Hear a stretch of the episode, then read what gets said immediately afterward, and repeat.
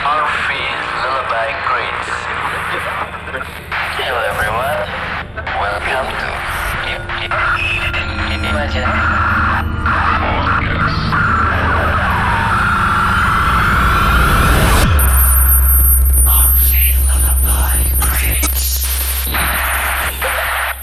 Halo Sobat Lima Jari, welcome to Lima Jari Podcast.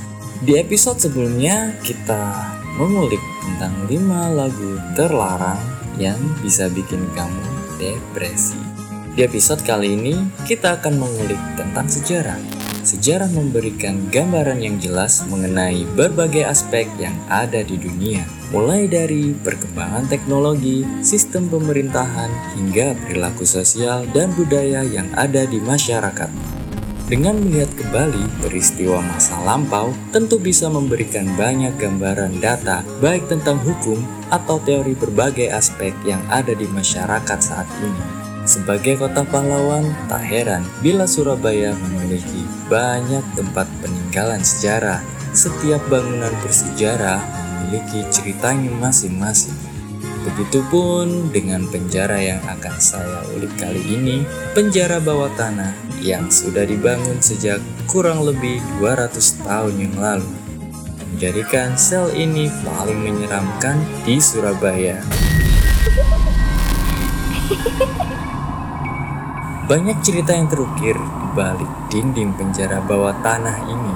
Banyak pejuang kemerdekaan Indonesia pernah merasakan kejamnya penjara kali sosok di Surabaya, terutama di masa 1940 hingga 1943 saat masa pendudukan Jepang mulai dari Soekarno, W.R. Supratman, Kiai Haji Mas Mansur, hingga Cak Durasim sempat menempati penjara ini.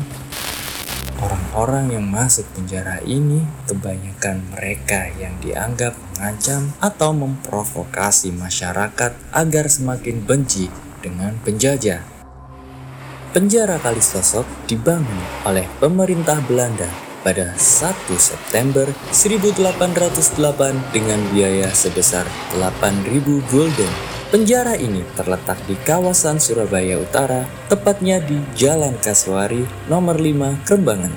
Tempat ini diketahui dibangun saat kepemimpinan Herman William Dendels yang saat itu menjabat Gubernur Jenderal Hindia Belanda ke-36. Berdasarkan informasi di berbagai sumber literasi, di masa lalu penjara ini memang disebut-sebut sebagai tempat yang paling ditakuti para narapidana. Hal itu dikarenakan tempatnya yang sempit, gelap, dan pengap.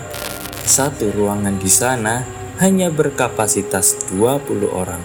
Namun, kala itu dipaksa agar mampu ditempati 90 orang. Dinding antar biliknya pun dibuat sangat-sangat tebal.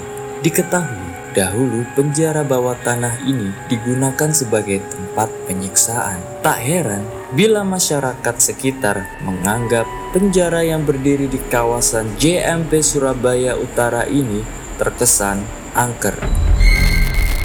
Penjara Kalisosok pun masih belum jelas status kepemilikannya. Hal ini membuat penjara ini jadi tak terurus. Sebenarnya, penjara ini bisa dijadikan wisata heritage bagi warga Surabaya. Mengingat penjara Kalisosok ini termasuk cagar budaya tipe B yang harus dilindungi pemerintah. Terima kasih sudah mendengarkan podcast ini. Kalian bisa direct message di Instagram at 5 jari underscore podcast. Saya undur suara, selamat beristirahat and Goodbye, Sobat Lima Jari. R&B Lullaby Crates.